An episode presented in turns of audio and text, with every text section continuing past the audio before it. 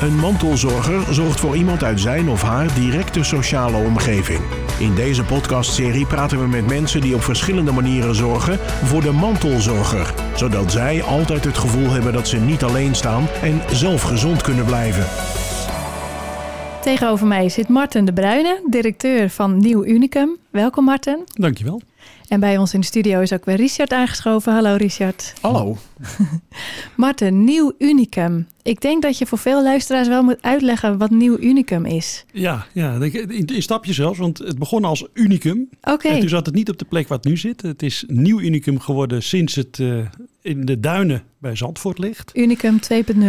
2.0, ja zeker. ja, ja, en misschien wel 3, 4.0, want het is vanaf uh, ja, ruim 50 jaar geleden voor oorlogsinvaliden. Oké. Ja, ja. En nu inmiddels is het echt van een behoorlijke gedaanteverandering hoor. Eh, want het is nu voor mensen met ja, complexe lichamelijke gehandicapten. Ja. Dat, dat is het eigenlijk. Complexe beperkingen in het lichaam. En dan in het bijzonder MS. En dan progressief MS. Want MS heb je in een heleboel soorten en maten. En verschillende stadia van de ziekte. En ja, de mensen die bij ons wonen zijn toch de mensen die wat verder in de ziekte zijn. En Ja. dus veel meer hulp nodig hebben. Ja, en dat levert Nieuw Unicum. Ja, en, en dan zijn er dus ook, Nieuw Unicum bestaat dus echt uit een locatie waar mensen wonen. Die een, een- Ja. die een, eh, een ziekte hebben, een, een, een eh, lichamelijke of een geestelijke aandoening. Nee, het is allemaal begin, de, de dominante indicatie zou je kunnen zeggen. Dus wat hebben ze vooral? Is een lichamelijke beperking. Ja. Ja. Wat, wat, is, wat is dat, een dominante indicatie? Ja, ja, dat is het Nederlandse zorgstelsel. Een Het, Zorgstelsel. het klinkt wel alsof het eh, me- meerdere punten waard is met een woordspelletje, maar eh, wat is het? Nee, het is eigenlijk, dit, is, dit is nou echt ons systeemland. Ja, Want die zegt, ja, je kan wel ziek zijn, maar je moet wel kiezen welke ziekte je hebt. en we weten toevallig bij progressief MS dat het lichaam, daar zie je het meest aan. Hè? Vaak grote rol, zeker bij ons, grote rolstoelen. Maar er gaat, gebeurt met de cognitie ook iets. Met de, met de hersenen. Met de hersenen, Ja. ja. ja. want je, je geheugen wordt eh, minder. eh, soms wordt je gedrag ook wat anders. Dus er komt veel meer bekijken. Dus als je zegt, wat, wa- wa- wat is nou typisch? Ja, de lichamelijke beperking staat bij ons altijd voorop. Ja. Maar het gaat altijd om complexe lichamelijke beperkingen. Dus ja want, kan ook- want wat is progressieve MS? Ja, wat- wat- ja, progressieve MS. Nou, MS hebben we allemaal wel eens van gehoord. ja, maar Eh, wat is het? Ja, het is een aandoening eh, in de hersenen, namelijk de zenuwbaan, die wordt aangetast. Nou. En als die aangetast wordt, daar zit myeline omheen. En als die aangetast wordt, ja, dan kan er geen bericht meer doorheen. Hmm. Nou, sommige mensen eh, hebben één keer wat ze dan noemen een shoep. Hè, dan worden ze één keer zo'n aanval. Maar dan blijft het eigenlijk voor de rest redelijk stabiel. Kan je, heb je zelf de levensverwachting als ieder ander. En waarin uit zo'n aanval, zo'n soep zich dan? Nou, daarna zie je meestal uitval van, van functies.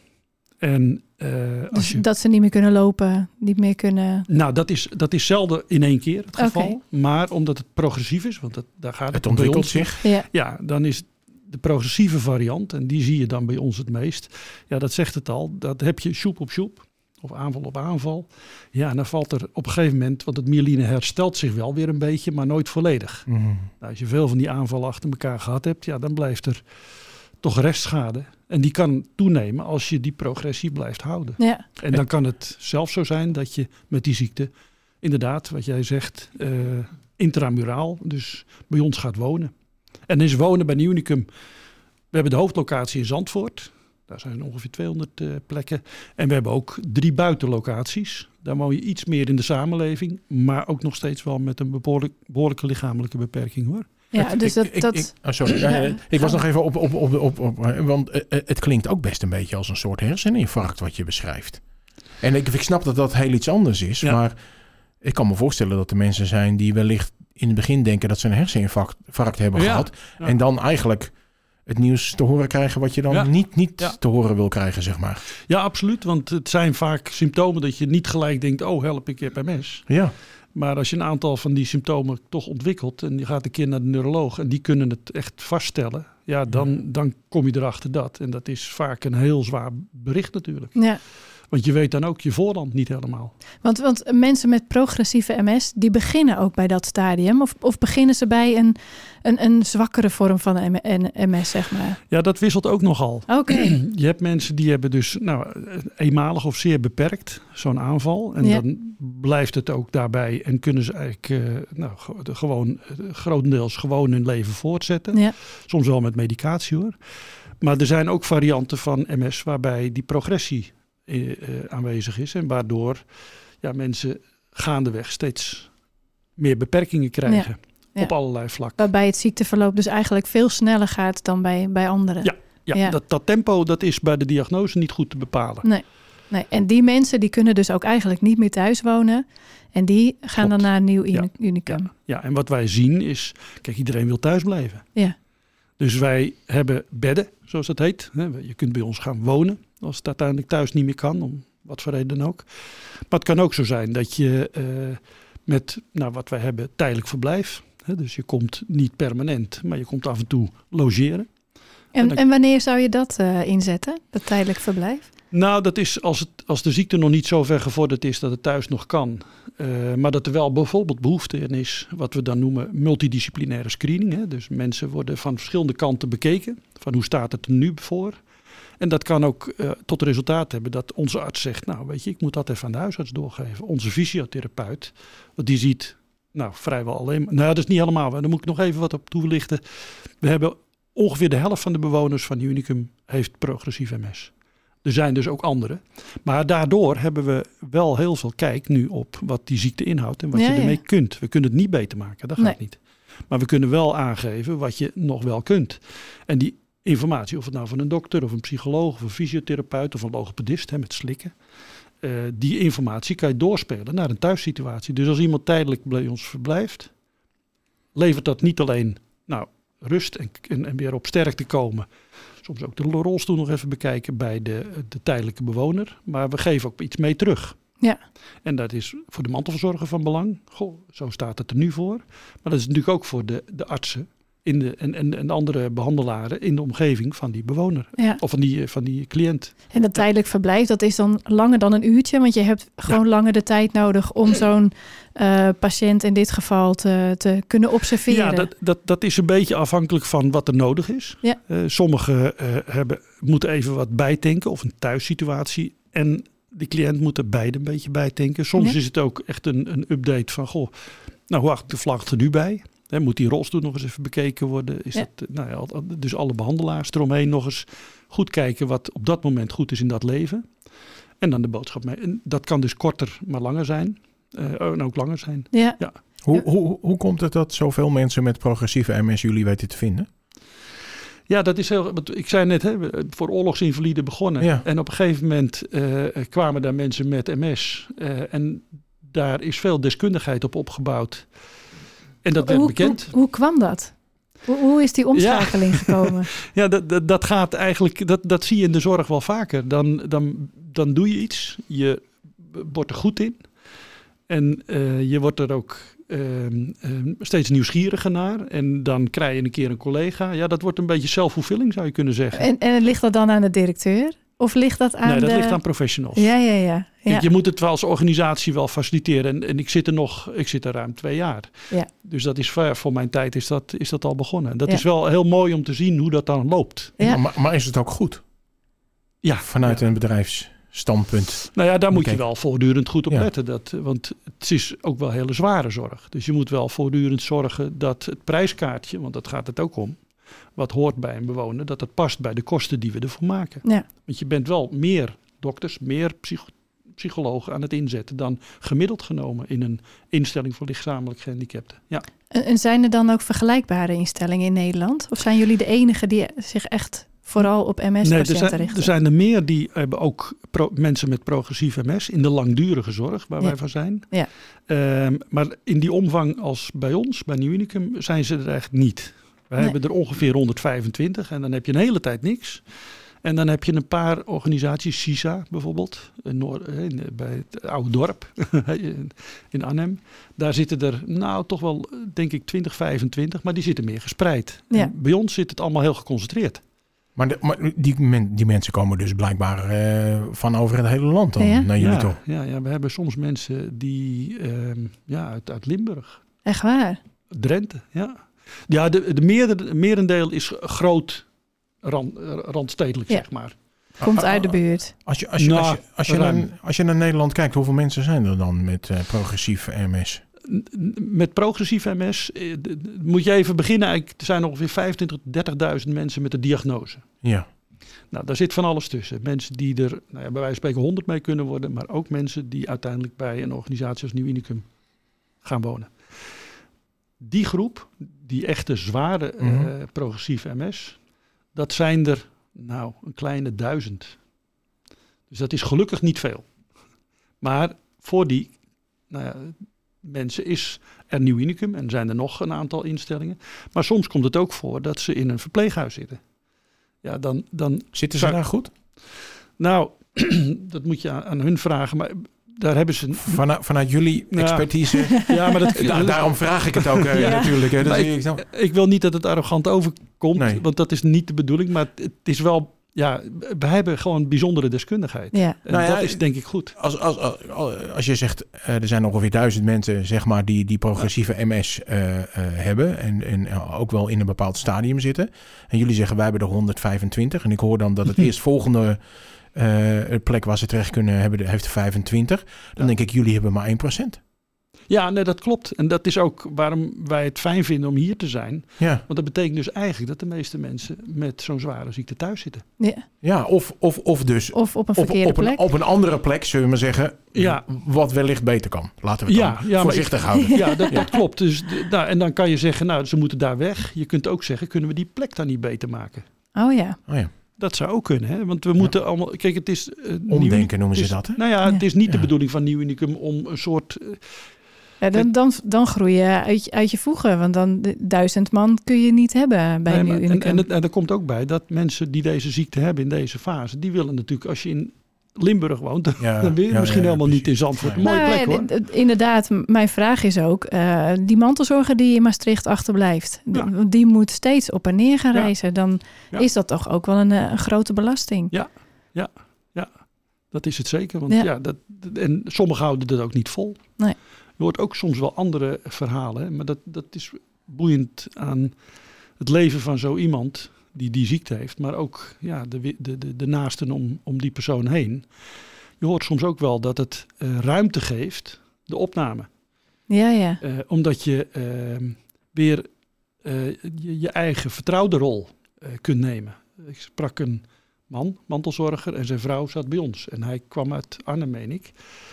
En hij zei, het heeft mijn leven rijker gemaakt. En ook mijn huwelijksleven niet slechter. Omdat hij gaandeweg, want eh, ja, zo druk dat de kinderen, die, die, dat Mm. ging steeds moeilijker. Zijn werk ging steeds moeilijker.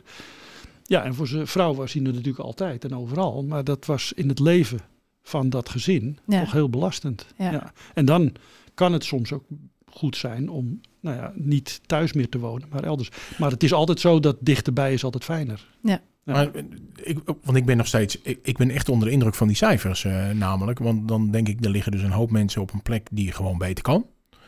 Hoe, hoe kan dat dan?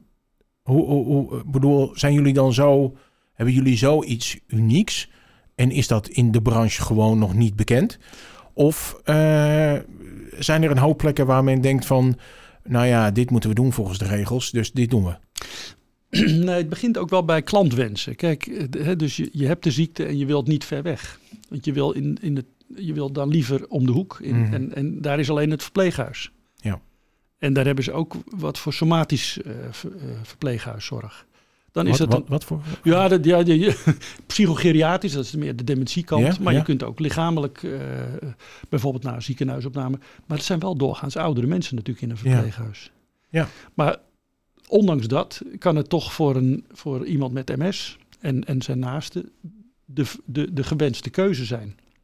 Omdat het lekker dichtbij is. Dat, dat is een keuzecriterium. Ja. Dat lijkt me vooral mantelzorger ook een lastig gesprek. Als Ja. je bijvoorbeeld weet, eh, als je in Arnhem woont en je weet Ja. dat er in Zandvoort zo'n plek is waar eh, eigenlijk degene waar je voor zorgt gewoon veel beter eh, terecht kan.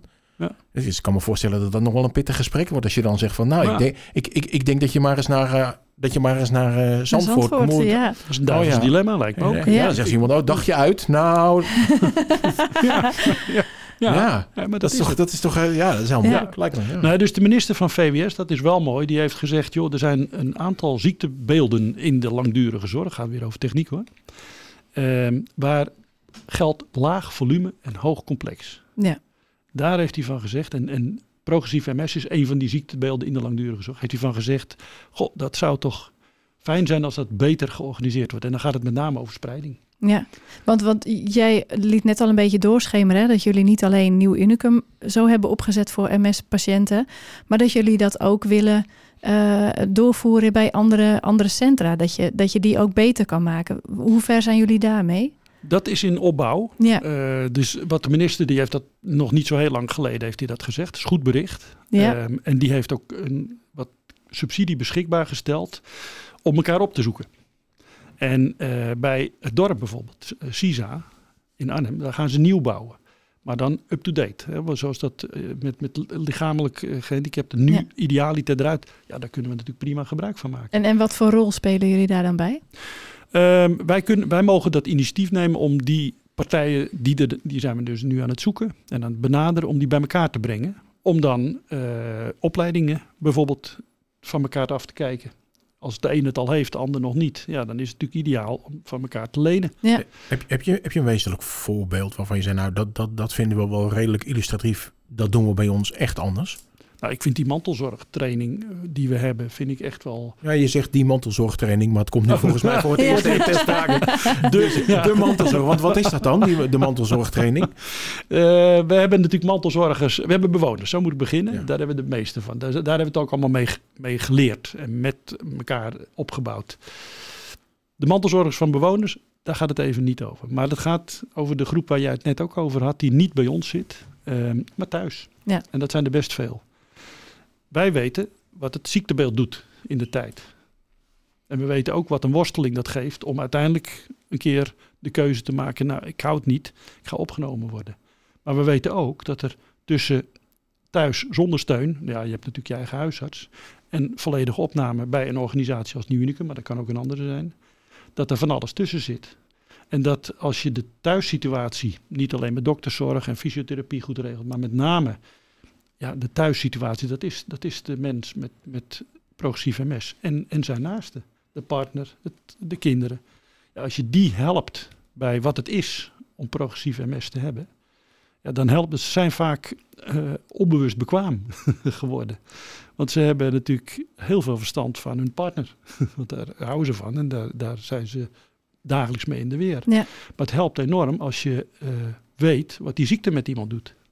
Waar je op kan letten. En een aspect is ook van, joh, in die mantelzorgtraining ontmoeten ze elkaar. Nou, nou zeg je net, eh, ze zijn onbewust bekwaam. Nou weet ik dat er een paar eh, stappen voor eh, onbewust bekwaam zitten. bewust onbekwaam. Is, is dat wat jullie ze dan maken? Ja, nou ja, daar kunnen we in ieder geval een bijdrage aan leveren. Kijk, en dat doen we niet alleen. Hè. Er is Ja. ook de, de MS-vereniging Nederland is natuurlijk heel actief. Er zijn fondsen die, eh, het Nationale MS-fonds, MS Research, die actief zijn. Maar ja, wij kunnen daar eh, vanuit onze, vanuit onze deskundigheid ook wel aan bijdragen. Ja. En, en als je nou kijkt naar die training, hè, wat is dan het belangrijkste wat, wat mantelzorgers leren in het verloop van die, van die ziekte? Nou, het begint met, met, met een startbijeenkomst waar ze gewoon kennis maken met elkaar en kennis maken met ons. Maar dat kennis maken met elkaar is al een ervaring. Ja, Want je zit natuurlijk toch op je eilandje en je zit te ploeteren en je doet je stinkende best. Maar je, ja, dat is overigens niet altijd zo. Soms hebben ze ook al echt een eigen netwerk opgebouwd. Maar het voegt toch iets toe in een, in een groep te komen waar iedereen in hetzelfde Ja. schuitje zit. het is anders dan dementie, waarbij je toch wel in je omgeving wel een aantal Ja. gevallen kent. Ja. Van MS heb je misschien één in een heel netwerk eh, Precies, zitten. Ja. Precies. En dit is alleen die soort, hè? Ja. Dus. Dat, daar begint het al. Ja. En dan is er eh, ook een, een een online aanbod wat je thuis kan doen. En daar komt de dokter aan het woord en dan komt de fysiotherapeut aan het woord en de logopedist en de psycholoog. En die geven allemaal aan wat die ziekte met je doet. En wat doet die ziekte met je? Nou, dat, nou ja, wat je ziet, het begint vaak met, eh, met, met een rollator en het eindigt soms met een hele grote rolstoel die met de kin bestuurd wordt. Of met oogbewegingen. Ja. Dus Dat is alleen het fysieke, maar er gebeurt eh, op allerlei punten wat in je leven. Schrik, schrik dat mantelzorgers niet heel erg af als ze dat al in die, misschien in die beginfase al zien? Ja, nou ze zitten niet helemaal. Het is niet kort na de diagnose doen ze dit. Oké.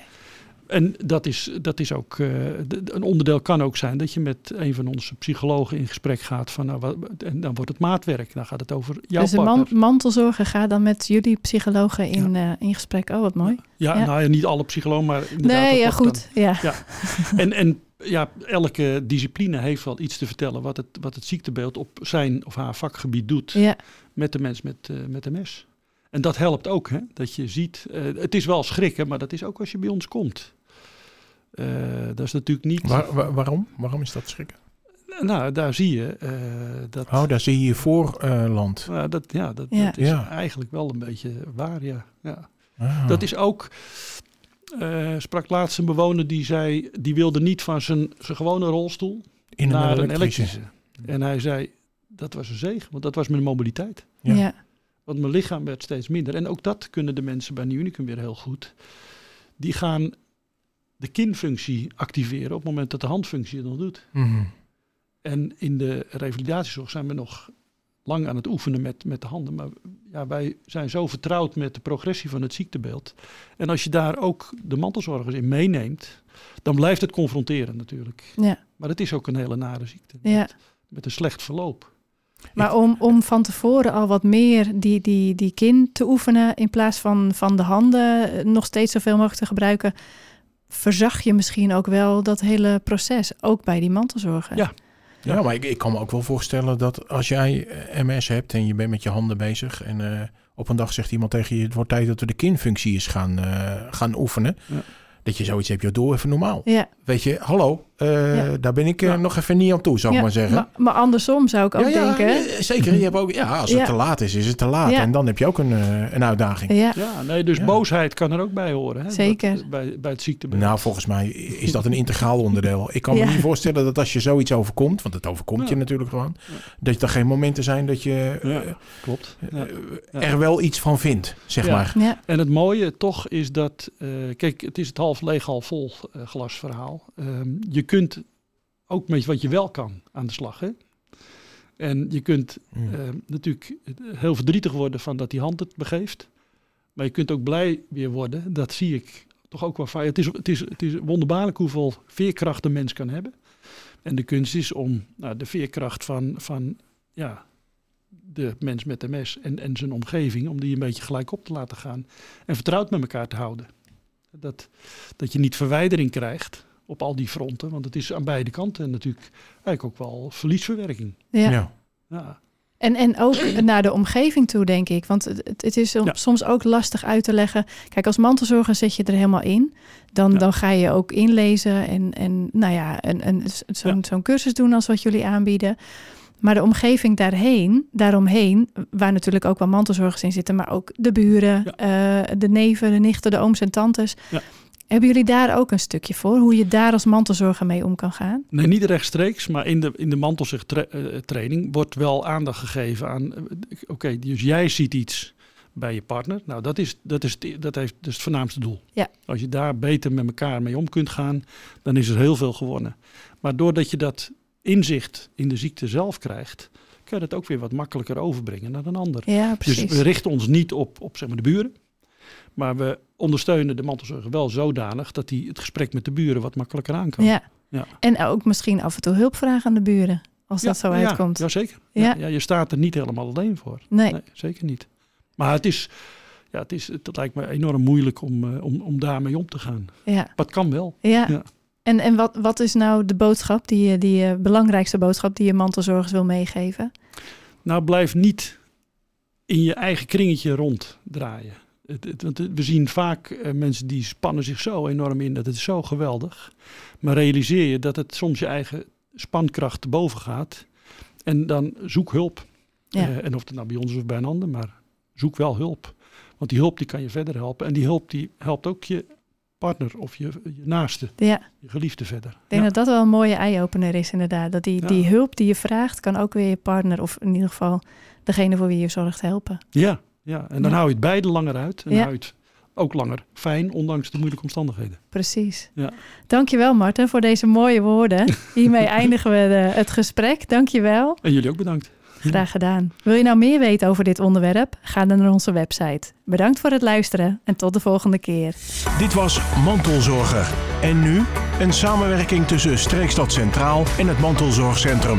Meer informatie over mantelzorg is te vinden op mantelzorgcentrum.nl.